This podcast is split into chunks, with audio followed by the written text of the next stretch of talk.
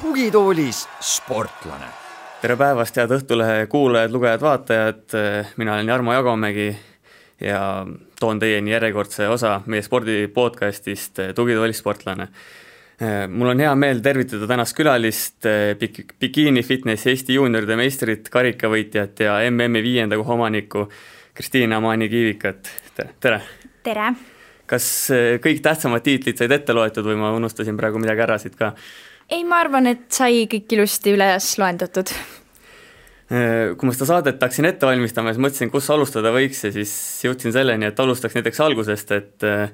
sinu isa nimi on Ott, tema nimi Signe, aga sul on hoopis selline, ütleme, et peenem nimi Kristiina Maani, et äh, räägi, kust sa selle nime said, kas sa tead ja kuidas sind igapäevaselt kutsutakse muidu? jaa äh,, tegelikult see oli niimoodi, et äh, kui ema sünnitusmajas oli, siis ta luges ühte Saudi Araabia raamatut kus äh, ühe naftaseigi tütre nimi oli Amani ja talle jäi see nagu väga meeldi-, noh, meelde ja siis ta mõtleski, et vot, tütre nimeks saab Amani.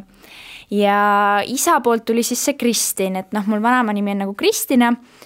Ja siis noh, ma seda ei tea, miks see CH ja sidekriips seal on, aga et noh, võib-olla, et ongi see nii-öelda, et natuke siis nagu teistsugusemaks teha, et siis tuligi kokku sihuke Kristin Amani. ja no ma, ma mäletan, et väiksena mulle üldse see nimi ei meeldinud, sest mitte keegi ei osanud seda kirjutada, keegi ei osanud seda õieti hääldada, on ju. ja siis ma mõtlesingi, et issand jumal, et kindlasti kui ma suureks saan, ma vahetan selle nime ära, aga nüüd, mida nagu aeg edasi, seda rohkem mulle nagu see nimi meeldib, sest see ongi nii nagu eriline aga igapäevaselt muidu mind ikkagi Amaniks kutsutakse, et äh, see Kristin on selline noh, mõni õpetaja võib-olla mainib, et nagu Kristin või Kristiin ja noh, igatpidi ma räägin, et heal lapsel mitu nime, on ju. et aga jaa, Amani on selline tavaline mm, sa oled esimene külaline, kes siis ütleme, et käib veel keskkoolis, on alaealine, et äh, räägi natuke, et äh, mis koolis sa käid, mis klassis sa käid ja kuidas koolis läheb äh,? Ma käin Tallinna Saksa Gümnaasiumis üheteistkümnendas klassis ja ma ütleks, et päris äh, huvitav on selles mõttes, et äh, et on nagu nii tõusu ja mõõnu, et äh, kindlasti kui ma võistlemas käin ja kui mul noh, nii-öelda see võistlusperiood on, et siis on koolis mingil määral noh, ma ütlen ausalt, et see kool on siis mingil määral mul nagu tagaplaanil, on ju, ja ikkagi mul on fookuses nagu võistlused ja see ettevalmistus ja trennid, aga siis, kui mul see periood saab läbi, siis ma nagu jälle, siis nii-öelda tuleb mu see sotsiaalne elu tagasi ja ma nagu saan noh, rohkem keskenduda koolile, et äh, selles mõttes praegu ka, et ma just tulin MM-ilt ja ma noh, tunnengi kuidagi, et nüüd mulle tuleb see nagu koolilapse niisugune stress tuleb peale natukene, et ma nagu tunnen, kui palju asju mul on järsku vaja teha ja kuidagi et äh, aga ei, ma tulen selles mõttes toime ja õnneks on õpetajad ka nii palju mõistvad mul koolis, et nad nagu toetavad ja keegi ei heida midagi ette või kuidagi ei keera nii-öelda käru mulle, et umbes, et ah, kuule, ta seal käib, on ju, et nagu ma ei tea, paneme talle mingi ma ei tea, umbes rohkem õppimist või mis iganes, et selles mõttes noh, kuna mul on klasside Kelly Sildaru ja, ja käib ka üks muusik Henri esineja nimega Pluto klassis, et meil on niisugune väga omapärane klass, et me tegelikult oleme nagu jah, harjunud selle meluga ja õpetajad ka, et kindlasti tulevad vastu ja, ja samas noh, pean mina ka neid nagu mõistma, et leida see ühine keel. kas kehaline kasvatus on lemmik või on äkki midagi muud ikkagi, mis südamelähedane on? kehaline kusjuures ei ole lemmik, nagu ei, mulle meeldib seal, aga, aga kuidagi ma tunnen, et võib-olla ma ei saa sealt sellist koormust nii-öelda, kui ma nagu noh, eeldaks, et kehalises võiks saada, muidugi noh, meil on erinevad nagu need äh, perioodid, on ju, et noh, mingi suusaveerand või võimlemisveerand, et selles mõttes on nagu huvitav, et saab erinevaid asju teha. Aga mulle pigem äh, võib-olla rohkem meeldib niisugune kirjanduse tund või eesti keel, et äh, see on niisugune hästi nagu silmaringi avardav, et mulle nagu pigem meeldib selline kirjutamine ja kuna noh, ma kirjutan ise blogi, siis on nagu see kirjandus ja kirjandite kirjutamine nagu minu niisugune üks lemmikutest. mis üldse ei meeldi? vot füüsika, matemaatika ja keemia, vot see on asjad, no täiesti reaalne, mu, mu pea ei võta no nii palju, kui ma proovin nagu keskenduda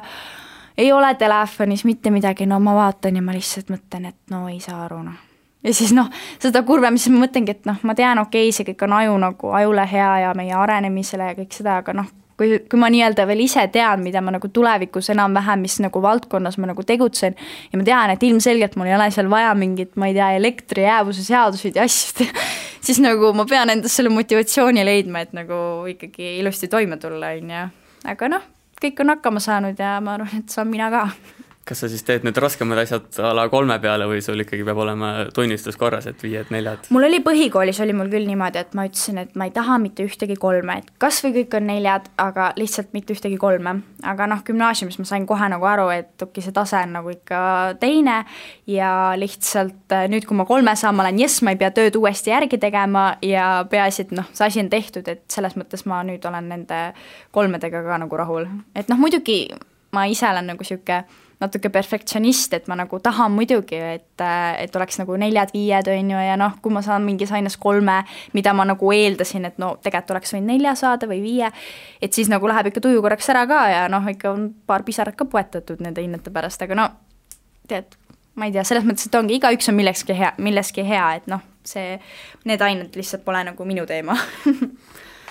kuidas sa üldiselt tunned, et kas sellist spordi tegemist äh, on lihtne kooliga ühendada või vahepeal ei viitsi, ma ei tea, a la õppida või vahepeal ei viitsi trenni teha või kuidas see nii-öelda mm, -hmm. kuidas see nende kahe asja sobitamine on? kusjuures kuidagi on hästi nagu mul noh, ikkagi välja kujunenud see niisuguseks elustiiliks, et ma ei võta nagu trenni kui kohustust, et ma nüüd pean minema või et noh, jah, et nagu kuidagi äh, mul on hästi nagu loomulikult tulebki see, et hommikul lähen kooli, peale kooli lähen trenni ja noh, niimoodi näevadki kõik mu päevad põhimõtteliselt välja, et ma nagu olen hästi niisugune, mulle meeldib rutiinne elu ja kuidagi jah, okei okay,, vahepeal sellest rutiinist välja tulla on ka nagu mõnus ja hea vaheldus, aga, aga ma ikkagi tunnen, et kui see vaheldus läheb nagu liiga pikaks, ehk noh, suvel tihtipeale vaata, kui ei ole kindlat rütmi, siis ma nagu juba augustikuus ma tõesti olen niimoodi juba, et no tegelikult tahaks juba kooli, et ma tahaks nagu normaalset elu. et ei ole niimoodi, et umbes ma ei tea, noh, poole hommikuni või no tähendab, poole lõunani magad, on ju, ja noh, kuidagi niisugune, mulle hästi nagu sobib see režiim. ja, ja selles mõttes, et võib-olla kui nagu koolis olles just kui mul on nagu see võistlusperiood, siis nagu ma tunnen seda, et näiteks mul on natuke mingil määral raskem keskenduda mingites ainetes või no jooksebki juhe täiesti kokku ja ma ei saagi asjast aru, ja siis noh, mis sa siis teed, no siis ma lihtsalt olengi seal niimoodi põhimõtteliselt kalapilguga, et nagu proovin midagi aru saada, aga ma ei saa, on ju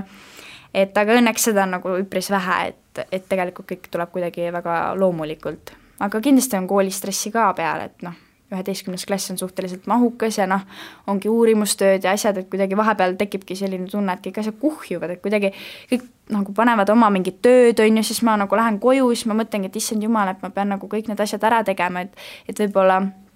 noh, see pole ainult minul, vaid noh, kui ma võtan nagu klassis ka, et siis ongi see, et et äh, kõik ootavad nagu seda reedet ja laupäeva, et siis on nagu noh, rahulikum ja siis, kui pühapäev tuleb, siis põhimõtteliselt pühapäeval hakkab juba stress pihta, mis sind järgneval nädalal ees ootab, on ju. et äh, noh, eks tuleb üle elada see lihtsalt aga teed siis ka kõik asjad ära või kasutad seda avalikku saladust ka, mida nagu kõik teavad, et mõnikord tuleb targemate pealt natuke maha kirjutada mõned asjad? ei no eks ma selles mõttes, ma ei ütle, et ma nüüd mingi musterõpilane olen, et ma nüüd kõik asjad, ma ei tea, õpin, tuubin pähe, et eks ikka nagu ma ei tea, pigem ma ütleks, et see gümnaasium on nagu ma proovin, see on õpetanud seda, et noh, iseasi, kas mulle midagi meelde jääb, see on nagu teisejärguline, pigem see, kuidas lihtsalt elus läbi lüüa. et kuidas ma saaksin oma asjad tehtud, et need oleks kõik tehtud, aga võimalikult lihtsalt ja mugavalt mulle endale. et nagu seda on mulle nagu see õpetanud, et see, kas ma sellest reaalselt aru saan või kas mulle see meelde jääb, see on nagu noh, kaugel, kaugel kuskil, aga just, et noh eks muidugi ikka vahepeal, no mingis aines, no ma ei tea, on mingid need valemid või no kuskile ikka, aga kusjuures isegi see tegelikult väga hästi toimib, sest et pärast mulle jäävadki meelde, kui ma läb-, noh, kirjutangi mingi endale paberi, selle väikse paberitüki peale mingid tähtsamad, kas mingid märksõnad või asjad, siis tegelikult mulle jääb see lõpuks nagu ikkagi meelde, nii et ma ei pruugigi võib-olla töö ajal üldse seda spikrit kasutada. et äh, nii on. jõuame nüüd äh, sinu spordiala juurde ka, fitness-spordini, et et äh, paljud noored ja ka vanad ei viitsi absoluutselt trenni teha, ma arvan, et sa käid põhimõtteliselt iga päev trennis, et räägi, miks sa teed fitness-sporti? ma teen seda sellepärast, et no tegelikult ma olen ju enne üldse, kui ma jõusaalis käima hakkasin, ma olen ju teinud kergejõustikut, vehklemist, tantsimist, iluvõimlemist, no ühesõnaga kõiki võimalikke spordialasid. ja kui ma jõusaali läksin, siis ma nagu kuidagi tundsin, et mulle meeldib see aeg, mis ma seal veedan ja kuidagi see, et ma saan ise oma aega planeerida, kui kaua ma seal olen, mida ma seal teen, noh, okei okay,, mul on küll kava ees, aga noh, selles mõttes, et ma valin ise oma tempo ja kuidagi ei ole seda, et äh, kui paljude trennide puhul, et noh, nii-öelda mul hakkab kell neli trenn, kui ma sinna ei jõua, siis järelikult mul jääb täna trenn tegemata. et jõusaali puhul on see nagu minu arust üks väga suur pluss ja siis, kui ma olin noh, väiksem, siis ma ikka ju käisin mul noh, isavõistlusi vaatamas, kaasa elamas, on ju, ja kuidagi ma nagu olin nii palju selle sees, et äh, mingi kui ma olin äkki kolmteist, siis ma olin nagu, käisin ka siin Eesti meistrivõistlused olid ja ma olin nagu saalis vaatasin ja siis tuli see bikiini fitness oli suht nagu äsja tulnud meile ja nagu ma vaatasin ja ma ei tea, noh, mina noore neiuna siis ma mõtlesin, et okei okay,, et noh, kui mina mingi kuusteist olen, et siis ma tahaks ka nagu bikiini fitnessiga tegeleda. ja see mõte jäi mulle nagu noh, mällu. Ja siis, kui ma saingi neliteist, siis ma läksingi jõuludel isa juurde, ütlesin, et nüüd on niisugune lugu, et ma tahan jõusaalist treenima hakata ja võistlema, noh, tulevikus võistelda. Tema üllatus oli muidugi nagu nii suur, sest et äh, kui tihti inimesed arvavad, et oh, kindlasti isa surve ja kõik mingi, et noh, isa sunnib ja niimoodi, siis absoluutselt mitte, me polnud isegi kunagi rääkinud sellest, et nagu noh, et äkki ta suunab, et no äkki sa tahaksid ka ikka kunagi fitnessis nagu võistelda või midagi, absoluutselt mitte. et see oli nagu ainu-, see oli minu soov. Ja mida noh, aeg nagu edasi on läinud ja nüüd, kui ma nagu reaalselt võistlen, siis ma saangi aru, et nagu esimest korda elus ma teen sellist spordiala, kus ma nagu midagi saavutan, et nagu ma ei ole mul ei ole mitte midagi nii-öelda märkimisväärset eelnevatest spordialadest välja tuua, et nagu, et ma, ma ei tea, olen siin kergejõustikus, ma ei tea, kuskil, ma ei tea, nii palju kõrgust hüpanud või noh, et et ju see on siis ikkagi minu nišš ja nagu noh, mul on nii nagu äge, et ma olen nagu selle leidnud, et mulle nagu reaalselt meeldib seda teha. ja, ja noh, see kuidagi see enesetunne ja kõik see nagu välimus, et mulle meeldibki selle fitnessi puhul ka see, et et kuidagi äh, see on nagu tegelikult niisugune raske töö ja väga nagu nõuab niisugust enesedistsipliini, et noh, igaüks sellega hakkama ei saa. aga samas on seal ka see nagu klämm ja niisugune ilu ja nii-öelda niisugune noh, tilulilu pool, mis nii-öelda, et ta on nagu kõik üheselt ja see mulle nagu jubedalt meeldib, et niisugune esinemine, selline noh, ikkagi, et et see lavaline olek ja, ja nagu see tähelepanu nii-öelda, et mulle nagu, mu isiksusega läheb see nagu kokku kas sa mäletad ka algust, et kas oli väga raske ja ma ei tea, kas nii-öelda oodatud areng võttis kaua aega või tuli, tuli kõik nii-öelda loogiliselt ja lihtsalt? alguses, kusjuures on kõige ägedam, ongi see, et nagu alguses keha areneb nii nagu kiirelt, et iga trenn ma sain panna seal mingeid raskusi juurde, siis järsku vaatad nagu peeglisse nagu või noh, okei okay,, isegi võib-olla see peeglisse vaatamine, see on pigem nii-öelda silm harjub ära, kuna noh, iseennast nagu näed ju iga päev, aga justkui keegi kõrvalt tuleb, ütleb, et kuule jaa, et ma vaatan, et sa oled siin nagu noh, ma ei tea, suurem või mis iganes, on ju, et aga pigem see piltide nagu kõrvale, noh, nii-öelda ongi need võrdluspildid, et see on nagu see, et vau, et okei okay,, et ma nagu reaalselt olengi mingi arengu läbi teinud, et äh, et see on nagu see, mis noh, nii-öelda toidab. sa oled kogu aeg nii-öelda isa näpunäidete järgi siis toimetanud jõusaalis? jaa, ikkagi suhteliselt, et kuna ta ma tean, et kui ma oma peaga hakkaks midagi nagu seal leiutama, siis võib nagu väga noh, nii-öelda halvasti lõppeda, et ma ikkagi kuulan teda, sest et ta on kogenud, ta on oma nahal väga palju erinevaid asju läbi proovinud, nii et äh, ikkagi jah, et ma oma mingit asja välja leiutama ei hakka, et nagu kui me teeme kava, siis ta ütlebki, näed, teed nii, nii, nii, on ju, ja siis nii-öelda mina annan siis vastavalt sellele kas mingi ülevaate, et kuidas see mul toimib ja, ja kas mulle meeldib ja ühesõnaga tema näpunäited jah, tema, tema sõna on kuld tülli ei ole kuidagi läinud? ei ole, sellepärast et äh, ma arvan, et see on ka üks põhjus, vaata kuna me ei ela koos, siis äh, põhimõtteliselt kui me näemegi, siis me noh, kas saame nagu eraldi kokku või siis ongi trennis trehvame, et noh, meil ei ole ka niimoodi, et ma nüüd äh, iga trenn olen temaga koos või et ta on mul kõrval, et mitte, absoluutselt mitte, et noh, kuna me treenime samas jõusaalis, siis nagu lihtsalt ongi, et vahepeal satume ühel ajal või mis iganes. või on mingid ühistrennid, et et meil ei ole nagu jah, niisugust nagu tülli minemise põhjust või noh, sellist, et nagu noh, ma ei hakka talle vastu, et umbes noh, kuna ma teangi, et minul ei ole veel nii palju kogemust, et noh, nii-öelda oma arvamust mingi noh, kindlasti meil on mingid väiksed niisugused, et ma ikka avaldan oma arvamust, aga aga ma arvan millegipärast, et kui me elaks ühe katuse all, siis võib-olla oleks neid tülisid mingil määral ikkagi, et noh, kas või mingid väiksed asjad, aga, aga jah, selles mõttes on see nagu isegi hea selle märksõna distsipliin tõid korra välja, et äh, tänapäeval on ju nii palju erinevaid ahvatlusi siin maailmas, et äh, kuidas sa ennast kogu aeg nii-öelda joone peal suudad hoida? ega ma noh, kogu aeg see ei ole nii, sellepärast et äh, mul ongi väga lihtsalt kuidagi kujunenud välja selline, et ega kui ma nüüd tulin just esmaspäeval jõudsin, on ju, Ungarist tagasi, kus mul mm oli, siis ega tegelikult mul see nädal ja nüüd järgmine nädal ongi niisugused puhkenädalad, et ma ei lähe jõusaali, ei jookse kohe või mul ei ole kohe niimoodi nii-öelda kaalugrammi pealt jälgin kõike, mis ma suhu nagu topin või mida söön, et et lihtsalt, et keha ja vaim puhkaksid, et nagu tegelikult nagu kogu aeg seda teha, no lõpuks ongi, et noh, sellest võib kujuneda välja lausa häire. et nagu kui sa ei suuda noh, nii-öelda enam normaalselt nagu ma ei tea, toidule otsa vaadata või ei, ma ei tohi nagu keelamine ja kõik see, et et ma olen tegelikult väga vastu sellele, et jah, kui mul on nagu ettevalmistus, siis muidugi mul on väga nagu konkreetselt nagu, mida ma söön, kui palju ma söön, aga nii-öelda võistlusväli, välisel perioodil ma ikkagi nagu söön ka vabamalt ja kuidagi nii-öelda ei keela ennast, et lihtsalt noh siis on ikka nagu parem isegi, kui uus hooaeg tuleb, et siis nagu ma olen nagu välja puhanud, patareid on laetud ja nagu ma saan uue hooga edasi minna.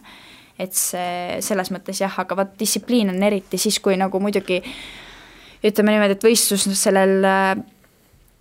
noh, dieedil, mis sõna mulle üldse ei meeldi, aga noh, olles seal, siis noh, seal ei saa väga neid libastumisi ja oih ja aih neid asju nagu endale lubada, et seal on nagu ikkagi noh, seda distsipliini väga vaja kas nooremast east saab võtta natuke vabamalt söögiga või see vanuse koht eriti nagu ei, ei kehti või ei loe, et kui nüüd oled seitseteist, siis võid natuke vabamalt süüa, kui siis, kui sa oled näiteks kakskümmend viis või midagi? ei, tegelikult selles mõttes see vanusest ei loe, et nagu noh, ma pigem, hästi paljud nagu noored on minu poole pöördunud, no et umbes, et ah, et mida ma peaksin sööma või kui palju ma peaksin sööma, et kui palju kaloreid ja noh, mis iganes, et mul on siin tead, tahan kaalu langetada, siis ma olen nagu alati öelnud, et tead, ole noor, naudi ja, ja tegelikult nagu noh, ma ei, nagu tavainimesel, kellel otsest vajadust pole kaloreid lugeda või niimoodi, siis ma pigem nagu,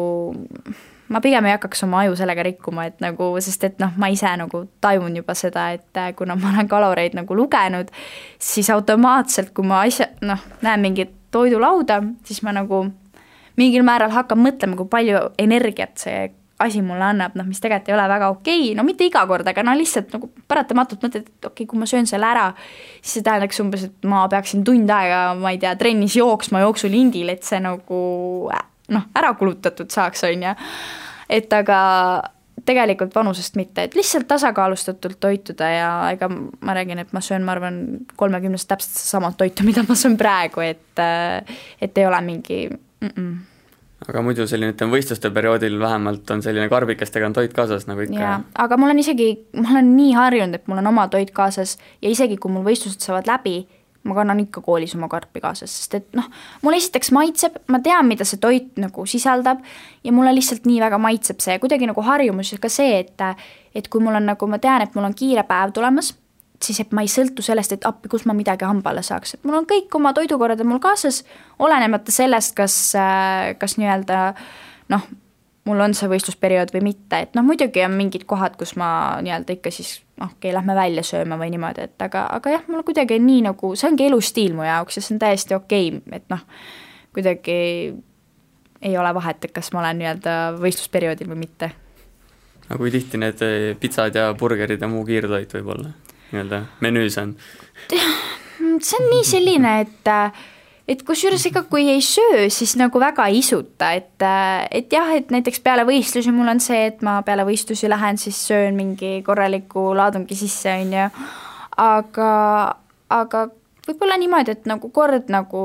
mulle meeldib see, kuidas Ott on öelnud, et et pigem teha niimoodi, et sul on nagu üks kord nädalas sünnipäev, kui nii-öelda siis kuus korda, et võib-olla ongi siis nädalavahetusel see üks nagu päev või mingi paar toidukorda, kus ma siis sööngi nagu vabamalt, aga ülejäänud ajast ma nii-öelda kontrollin. et see nii-öelda kaheksakümmend protsenti on siis see, et ma kontrollin ja kakskümmend protsenti on see, mis ma siis, mida ma ei kontrolli, et nagu mul on, mulle meeldib see nagu taktika ja see toimib. mis sa arvad, mis selle fitness spordi juures kõige raskem on kokkuvõttes sinu jaoks? ma arvan, toitumine et väga paljud jätavadki katki, kuna sellest tulebki inimesel mingi toitumishäire või noh, läheb ainevahetus äh, tuksi või mis iganes, et noh, inimesed hakkavadki mingeid ekstreemsusi tegema või vastupidi, tekivad niisugused isud, et noh, nendega ei tuldagi toime ja lihtsalt söödki ohjeldamatult asju sisse, siis on niimoodi, et noh, kuniks see jõuab kohale, et appi, mida ma just tegin, noh, et äh, võib ise mõelda, mis siis nagu inimene läheb, paneb näpud kurku ja oksendab selle välja.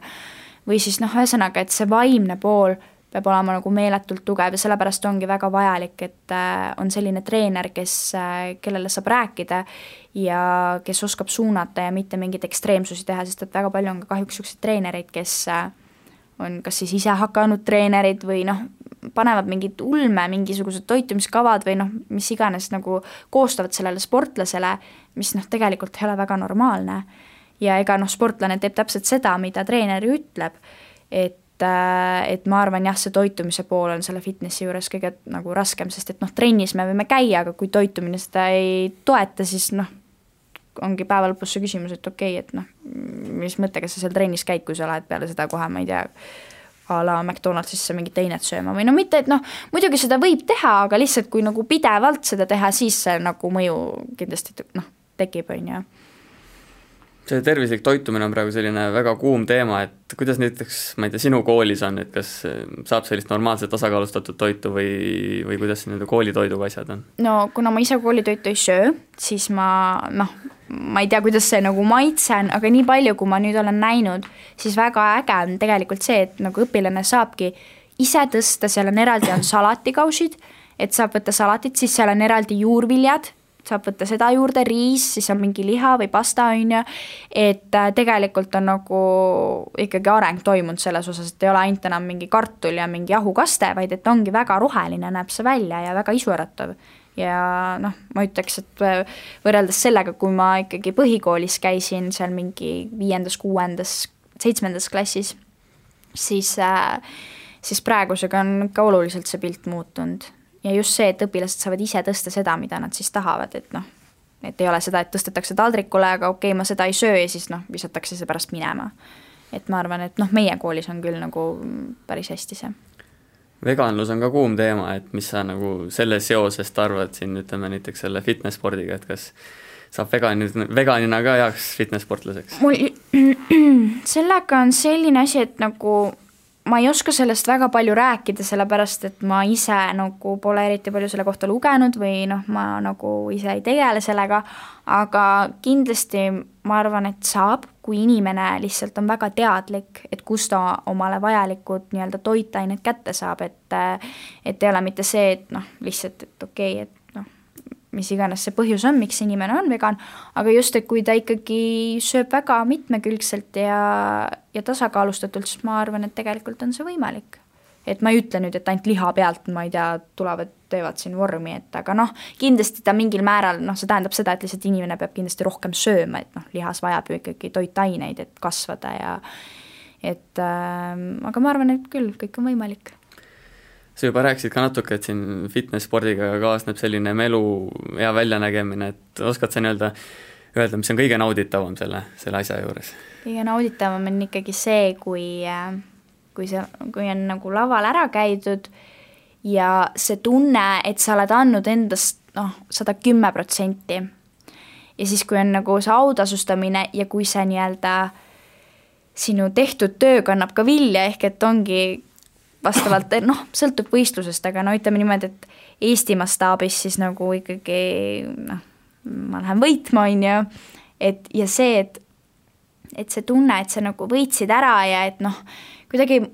ma ei oska öelda, see on nii selline tunne, mida ma tahaks nagu veel ja veel, veel kogeda, et äh, see on nagu, või kas või kui mul oligi nüüd mm siis ma läksin sinna tegelikult osa võtma. ma ei läinud sinna mitte mingisuguse väga suure ootusega, sest et see on nagu maailmameistrivõistlused, seal on tase hoopis teine. ma kuidagi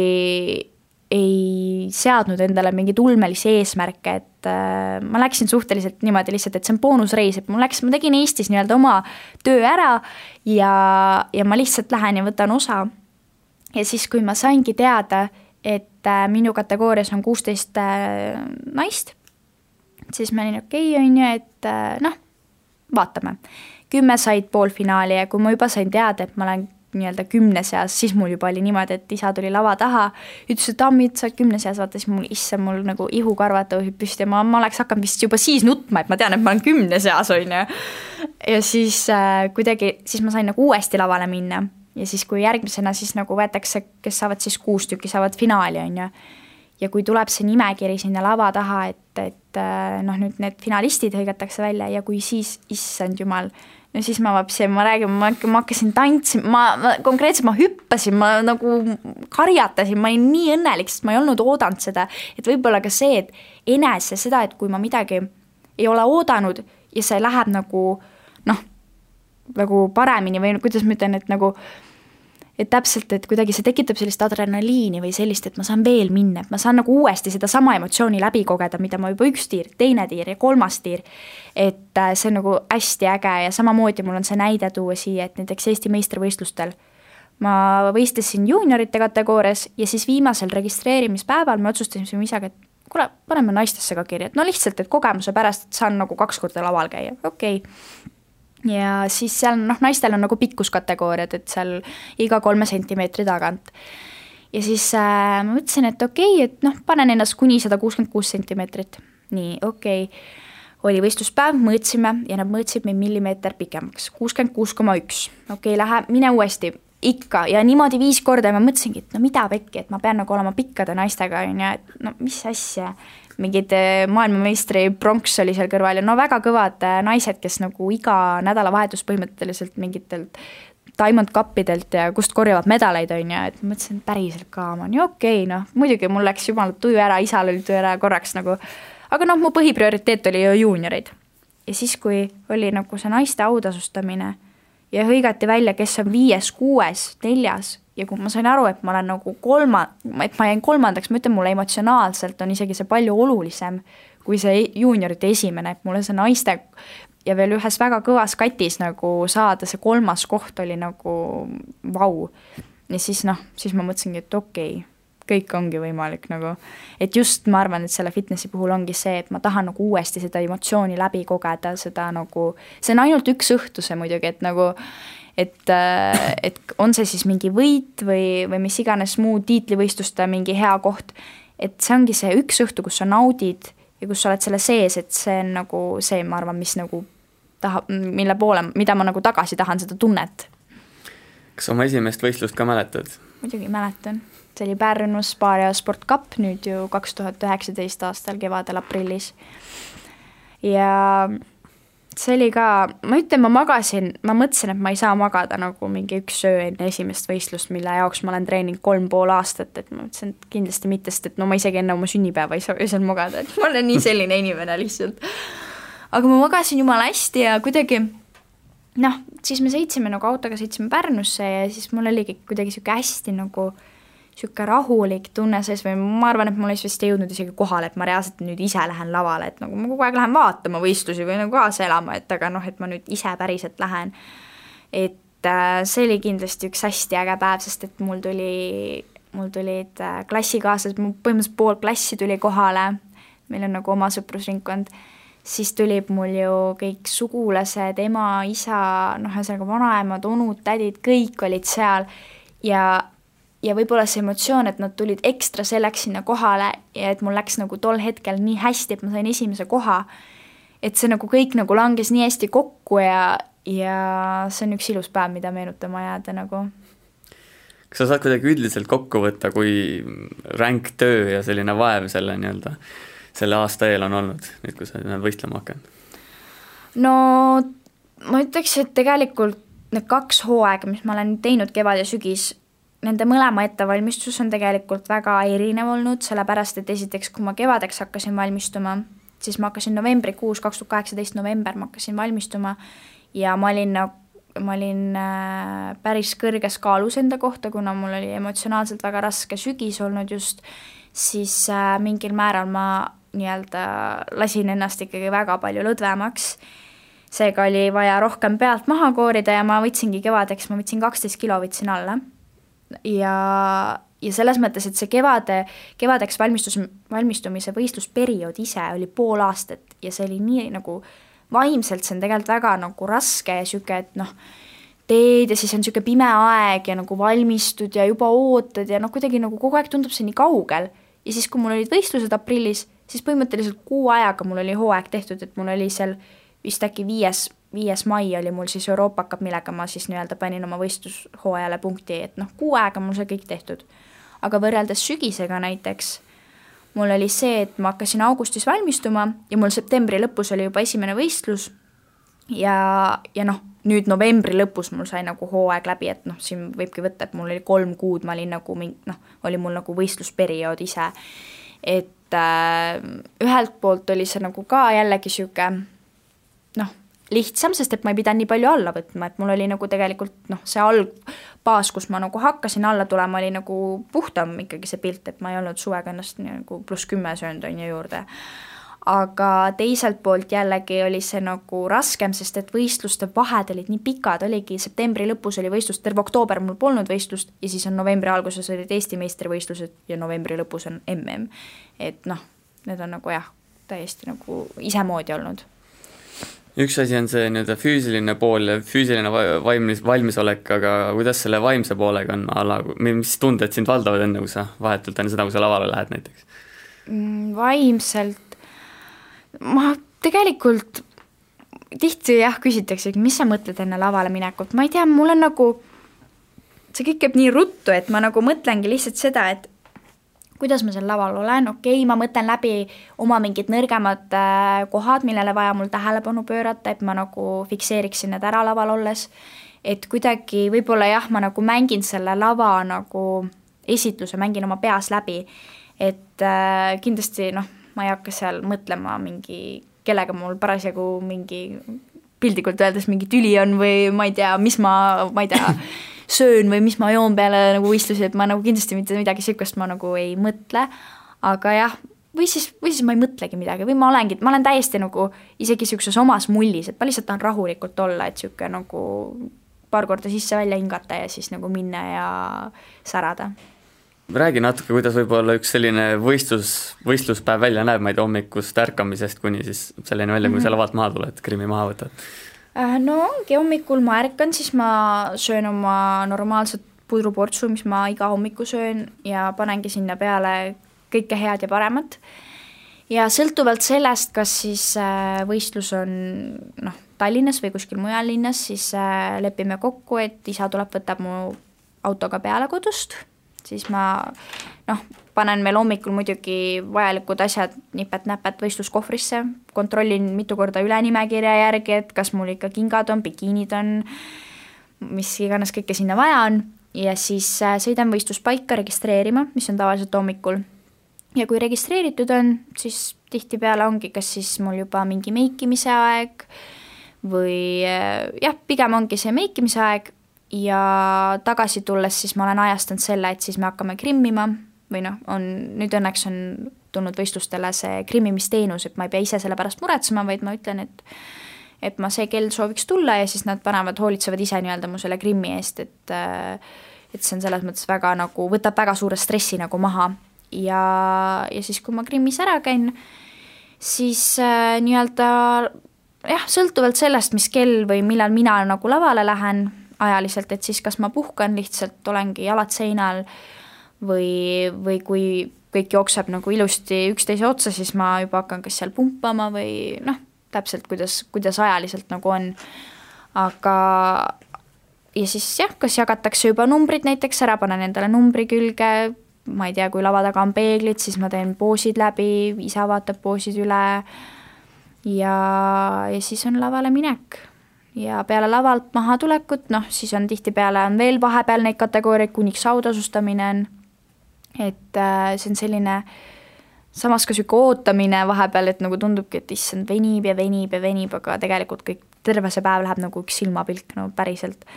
ja peale võistlusi siis ma jah, lähen esimese asjana tahaks pesema minna, on ju, sest et äh, lihtsalt see pori oma pealt maha pesta. Ja siis me lähme kas siis tähistama, sööma kuskile, et see on selline tore, eriti noh, ma räägingi, kui on tulemus ka, no siis on eriti äge, noh siis on niisugune eufooria on sees, meil tegelikult ei jõua isegi kohale. noh, et nagu kuidagi täiesti noh, vaatad küll seda karikat ja mõtled, issand jumal, millega ma nagu hakkama sain. et äh, see on lahe mm,. väga paljud inimesed ei ole fitness-võistlusi näinud, et mis seal lava peal teha tuleb mm,? ma ütlen, et siis ma soovitan nendel inimestel ükskord elus vaatama tulla, sest ma ütleks, et see on päris meelelahutus ikkagi, et äh, inimesed panevad viisakalt riidesse, sa lähed ikkagi peaaegu noh, tihtipeale on see kas mingi kontsertsaal või mingisugune noh, ongi või teatrisaal on ju, kus äh, me laval siis oleme aga igal kategoorial, kuna neid kategooriaid on nii palju erinevaid, noh, meestel-naistel on erinevad seal, siis seal ongi, meil on oma kohustuslikud poosid, mida me siis võtame, või kui on fitness eraldi, kus on siis näiteks, äh, mis koosneb nagu kehavoorust ja vabakavast, et äh, see sõltub jah, täiesti kategooriast, aga jah, kõigil on omad nii-öelda, omad ülesanded, omad poosid ja, ja seda me täpselt seal laval teemegi nagu elus ikka, siis mõned inimesed on ühtmoodi, teised teistmoodi, et eh, kuidas fitness-ringkondades seal lava taga elu käib, kas ollakse rivaalid või, või on seal sõbralik õhkkond või üldse ei käida omavahel läbi, et eh,? Kusjuures tegelikult noh, ma ei, ma ütleks, et väga niisugust rivaalitsemist õnneks ei ole või noh, keegi ei ole kuidagi pahatahtlik, no ma muidugi inimeste sisse ei näe, et noh, võib-olla keegi seal, ma ei tea, kuskil nurgas nagu mõtleb, et issand jumal, et äh, miks ta siin on või mis iganes, aga ma arvan, et konkurente tuleb võtta kui pigem seda, et, et äh, nii-öelda nemad on ka üks põhjus, miks ma pingutan trennis tegelikult, et noh, kui neid ei oleks, siis noh, tore, okei okay,, ma olin üksinda kategoorias palju selja taha ja ei mitte kedagi, sest ma olin üksinda, et noh, tegelikult minu jaoks on just nagu see, et nemad panevadki mind nii-öelda seal trennis rohkem vaeva nägema ja aga samas noh, nende kõigiga ma saan väga hästi nagu läbi, et ei ole ka seda, et umbes tere ei ütle või noh, nagu noh, see on natukene minu arust nagu lapsik käitumine, et nagu noh, oleme nüüd nagu täiskasvanud inimesed, et nagu võiks otsa vaadata, et noh, neid on neid inimesi, kes nagu noh, mulle näiteks jah, mulle ei vaadata otsa või ma ei tea, ei tulda õnnitlema või mis iganes, aga noh, ma saan ka neist aru, et noh, kui see, aga noh, lihtsalt, kuidagi jah, see on väga inimeses endas kinni, et kui ta ise nagu tahab endale seda kuvandit nagu luua, siis siis see on nagu tema probleem, et aga mina tahaks nagu kõigiga hästi läbi saada. Kuidas sa ise või niimoodi võistluseks valmistud, kas pigem hoiad omaette või vaatad konkurente ka, et ma ei tea, mis vorm kellel kuidas on ja kuidas ta välja näeb? ei, omaette hoian, sest et siis ma tean, et kui ma hakkaks vaatama konkurente, siis paratamatult ma hakkan ennast võrdlema ja siis tekibki see, et nii-öelda okei okay,, et ta on ikka parem ja noh, mis iganes, et kuidagi see tekitab minul mingi pinge paneb peale, et ma ajan oma asja, ma annan, ma teen täpselt nii hästi, kui, kui on minu võimuses ja täpselt nii ongi, et aga kindlasti näiteks, kui võistlused ära olnud ja nii-öelda mingi konkurent treenib siis samas saalis ja kui ma teda näen, siis muidugi mul nagu noh, alateadvuses juba automaatselt, siis ma olen nagu mingi okei okay,, siis tead, pingutad rohkem või noh, kuidagi nagu see võib-olla natuke ikka on, aga noh, see mõjub mulle nagu positiivselt, et noh, ma ei jää nii-öelda loorberitele puhkama, vaid ma nagu töötan edasi mm,. su isa on väga palju rääkinud dopingu teemadel, et kas sina oled ka kuidagigi viisi sellega nii-öelda kokku puutunud, midagi näinud, midagi kuulnud kuskil mm,? ma ei, noh niivõrd-kuivõrd äh, on ju tegelikult meil võistlustel, mis on väga hea, kui võetaksegi, tavaliselt on kaks inimest, kes võetakse siis nagu dopingukontrolli, aga ma otseselt niimoodi noh, Eestis on ikkagi väga nagu, see on nagu lahtise tulega mängimine, et kui välisvõistlustel veel nagu noh, võib-olla väga paljudele ju ei tehtagi dopingukontrolli, et seal see vahelejäämise võimalus ei ole nii suur, et aga noh, Eesti on nii väike ja siin tuleb varem või hiljem kõik nagu päevavalgele nii-öelda, et äh, et ma usun ka ikkagi, et tegelikult kui väga tahta ja noh, ongi võimalik naturaalselt neid asju ka teha ja ma ei näe, et ma ei näe nagu vajadust midagi endale sisse süstida või sisse süüa, et see on minu arust päris õudne mõelda, et kuskil, kuskil reaalselt võistlustel inimesed ongi lava taga ja paneb enne, vahetult enne lavale minekut süstiga endale kuskile, süstlaga kuskile lihastesse seda sisse, siis see on nagu väga kõhedust tekitav tegelikult. Ütlesid, et see MM-i viies koht ja Estikate naiste arvestuse, arvestuse kolmas koht oli pigem üllatus, aga kas see juunioride tiitel Eesti meistrivõistlustel oli siis selline ootuspärane ja loodetud tulemus? no eks ma ütlen, et äh, mina ei ole selline inimene, kes ütleb, et ma nüüd lähen võistlustele osa võtma. välja arvatud jah, tõesti on see MM ja Euroopa meistrivõistlused, mis olid kevadel, et noh, need on täiesti niisugused tiitlivõistlused ja kuna ma ei olnud varasemalt ka nii suurtel välisvõistlustel võistelnud, siis noh, natuke nagu utoopiline, et ma nüüd lähen võitma, on ju, et noh, et seal oli niisugune nagu, sinna ma lähen tõesti osa võtma. aga Eestis, noh, ma ikka ju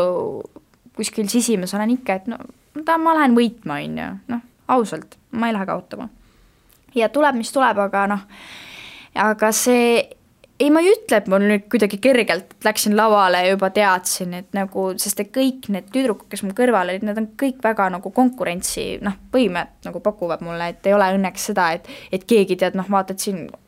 ma ei tea, peajagu üle, et tegelikult nagu väga tasavägine ja nii äge ongi minu arust see, et Eestis on ikkagi maailma tasemel nagu noh,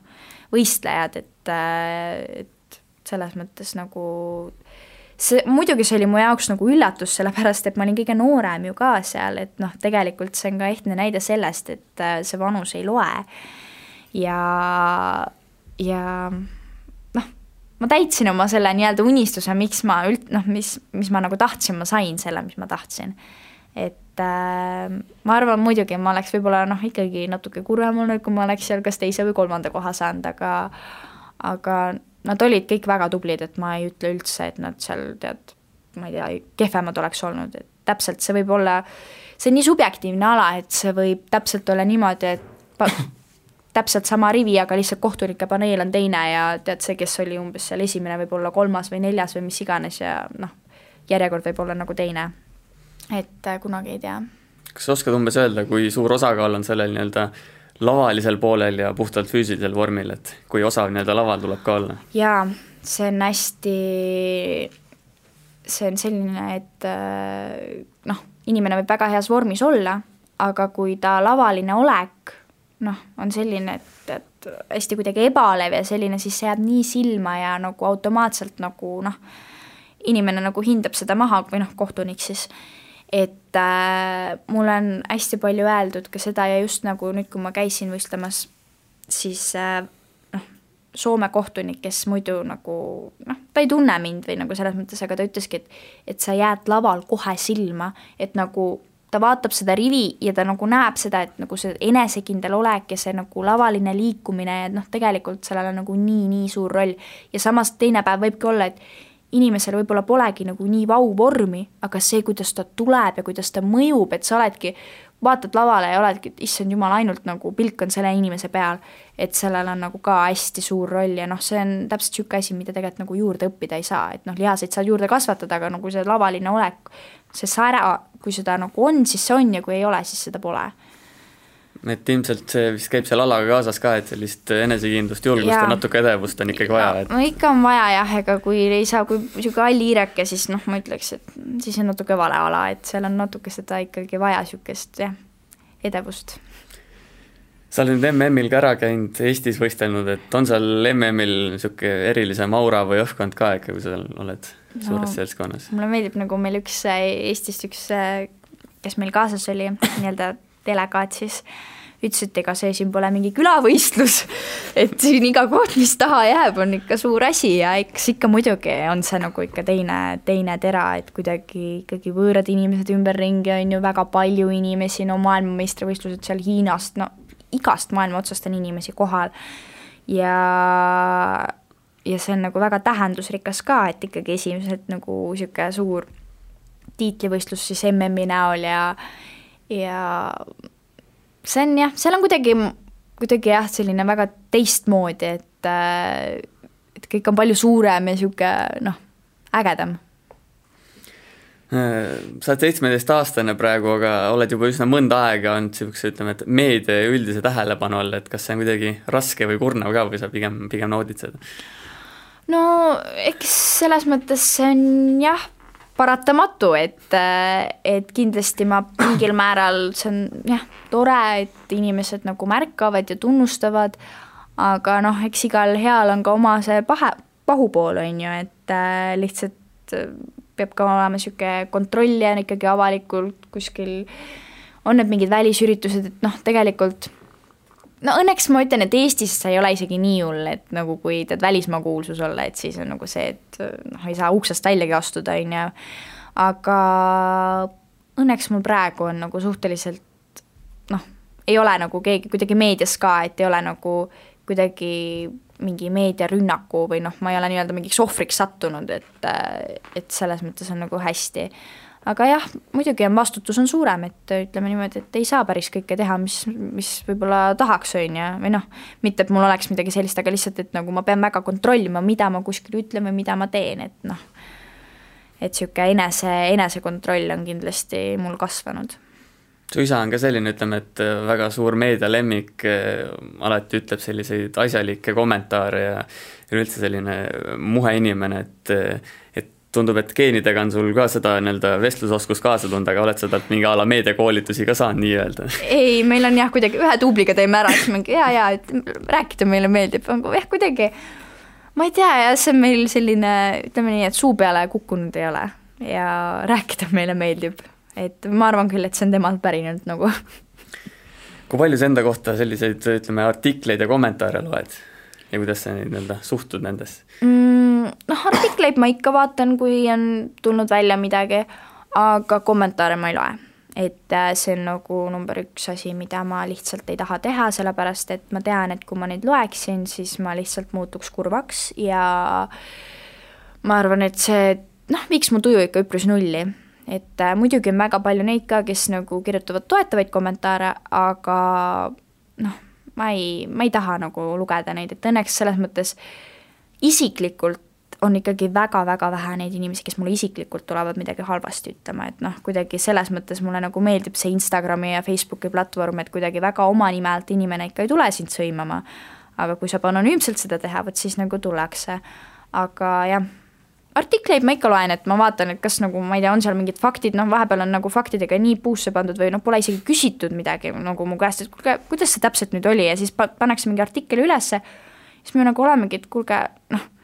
te isegi ei ole küsinud, et see on vale, mis te siin kirjutate, et nagu palun helistage ennem, küsige täpselt, me ütleme, kuidas on, sest et ega need inimesed ju, kes seda artiklit lugesid siis, kui see oli valede faktidega, on ju, ega tema teist korda ei lähe seda lugema, on ju et nii-öelda see on niisugune noh, natuke halb, kui niisugune situatsioon nagu tekib leidub ka selliseid väga jõhkraid ütlejaid, kes maala ütlevad, et fitness-sport pole naistele ja lihastes naised ei ole ilusad ja nii edasi, et mida nagu neile nii-öelda õelate inimestele? no ma ei tea, ma ütlen ka, et mul on tihti, et issand jumal, noh, kui ma ütlen, et ma tegelen bikiini fitnessiga, siis mul on niisugune tunne, et inimestel tuleb automaatselt ette mingisugune Google'ist võetud naiskulturisti pilt siis ta mingi, et issand jumal, kas sa tahad samasuguseks saada nagu su isa või mingi, no ühesõnaga mingi sihukest juttu hakkab tulema, siis ma ütlen, et esiteks mul ei ole võimalik selliseks saada. ja nagu teiseks, kui seesama fitness naine tuleb sulle tänaval vastu, siis ma ütlen, et ta on nagu väga, no ongi nagu nii ilus ja naiselik ja treenitud inimene, inimene hoolitseb oma välimuse eest, oma füüsilise nagu ja vaimse tervise eest, et nagu noh ma arvangi, et need täpselt on need inimesed, kes ise kas pole elus midagi saavutanud või pole iseendaga rahul ja siis on vaja nagu kuidagi oma seda rahulolematust siis teiste peal välja elada, et nagu noh, see on jah, ma arvan, inimeste enda kas mingi kibestumus või enda mingi trots, mis neil sees on, et äh, et tegelikult nagu ütleks, et need fitnessi naised on ühed ilusamad naised üldse nagu. muidugi nagu aastaringselt me ei ole nagu noh, kui tundubki, et jah, meil on need, kui on grimm peal, siis paratamatult lihased tulevad ju rohkem esile, sest see ongi selle mõte, et lavavalguses, et nagu joonistuksid paremini välja, aga ega kui seda grimmi peal pole ja sa lihtsalt vaatad, siis noh, vaatadki, et ilusa treenitud keha, kehaga naine on. et äh, jah ütleme, et fitness-spordiga Eestis vähemalt päris sellist ära ei ela, et kas sa oled juba mõelnud, mis su plaan nii-öelda tulevikuks on, mida teha tahaksid, et okei okay,, sul vist juba praegu on nagu igast reklaamidiile ja asju blogisid, et oled sa mõelnud ka tuleviku peale nii-öelda? jaa, no ma tahaks tegelikult äh, teha ära juba järgmisel aastal, kui ma kaheksateist olen, tahaksin teha ära treeneripaberid, et ma saaks nii-öelda kooli kõrvalt siis mingeid personaaltrenne anda või noh, ongi mingeid nõustamisi teha, aga tulevikus, kui ma mõtlen, et kui ma ülikooli tahaks minna, siis ma tahaks hoopis midagi teist nagu mingit, mingist täiesti teisest valdkonnast midagi õppima minna, et kuidagi see treeneri töö on nagu selles mõttes väga hea töö, mida saab nagu kogu aeg ükskõik mis muu eluvaldkonna kõrvalt nagu teha, aga just, et mul ongi nagu noh, on kas, ma olen mõelnud siin selle peale, et võib-olla minna kas seda ürituste korraldamist õppima või kuidagi, kindlasti ma näen ennast, et ma nagu hästi palju suhtlen inimestega ja kuidagi, et ma olen oma aja peremees, mis on mu kindlasti A ja O, et mina ei taha olla nagu kuskil kontoris üheksast viieni, et lihtsalt, et ma saan ise oma aega planeerida, ma saan teha oma asjad kas kodus ära või ükskõik kus kohas, et nagu kuidagi see on kindlasti see, millele ma nagu rõhku nii-öelda panen. aga see fitness-sport jääb igal juhul sinu ellu? ei, ma arvan küll, et jääb, et ma praegu vähemalt ei näe põhjust, miks ma ei peaks sellega tegelema, et jätan ühe hooaja vahele, valmistun järgmiseks sügiseks,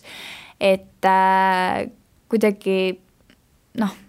ma ei, ma ei oskaks öelda, kui mul võib-olla poleks tulemusi, siis on võib-olla raskem endas seda motivatsiooni leida.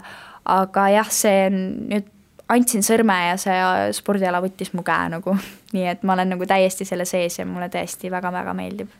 su isa valitses siin aastakümneid kodumaal, et kas sul on ka mingid sellised sihid või mõtted ähm,? Noh, naiste puhul on võib-olla natukene selles mõttes nagu keerulisem, kuna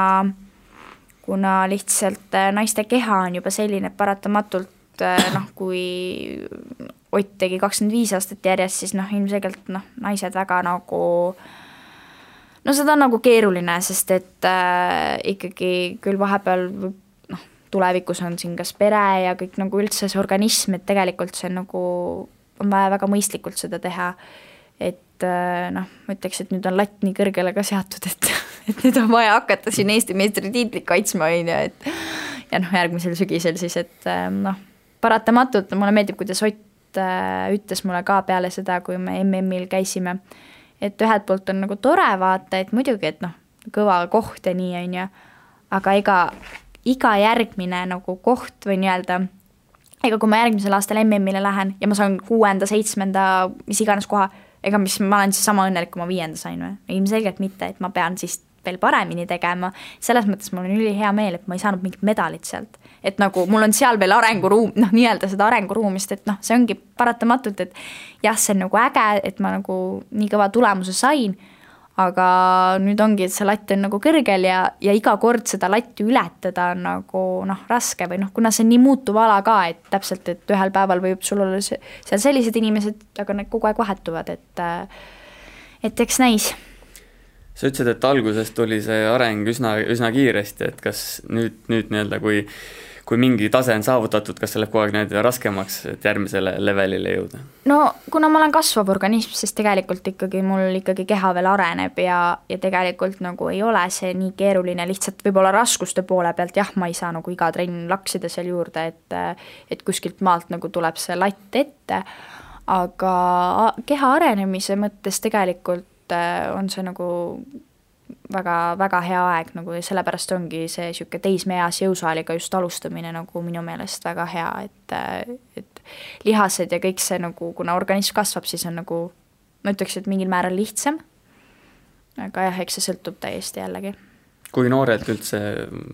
peaks alustama või võiks alustada, et on seal mingisugune ohtlik piir ka, kui liiga vara, et ilmselt, ilmselt tuleb teadlikult seda asja teha? jaa, aga ma ütlekski, et nagu niisugune mingi neliteist, viisteist et äh, on täiesti niisugune hea aeg, kus siis võiks nagu vaikselt alustada.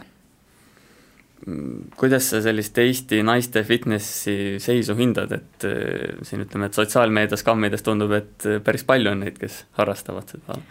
nojah, üks asi on see, et harrastamine, sest et tegelikult mingid tulemused olidki siin, ma ei tea, kas eelmisel aastal oli tegelikult niisugune fitnessi spordiala äh, oli kolmandal kohal nagu Eesti nii-öelda, kui palju inimesed harrastavad seda. et noh, harrastamine on üks asi, aga nii-öelda võistlus, võistlus, võistlemine ise nagu teine, on ju. et kui paljud reaalselt võistlevad ja need, kes võistlevad, siis noh, ongi, et meie kodumaal on ikka väga kõrge maailmatase ja see on noh, väga äge tegelikult et on omast käest võtta, et äh, nii-öelda, et ongi, kui mingile välisvõistlusele minek, et siis noh, tegelikult sul ongi seal oma katis on nagu ka eestlasi, et, et selles mõttes ma arvan, et see, see ala on väga populaarne ja, ja kindlasti see kasvab veel populaarsemaks. ja sisemine konkurents kindlasti arendab taset ka kõvasti. jaa, absoluutselt Nende sõnadega ongi siit hea tänaseks ots kokku tõmmata, aitäh, Kristiina Maani, et tulid ja oma elust ja ka natuke teistest rääkisid ja kõike head ja edu sulle! ja aitäh kutsumast! Kuulmiseni järgmisel nädalal, aitäh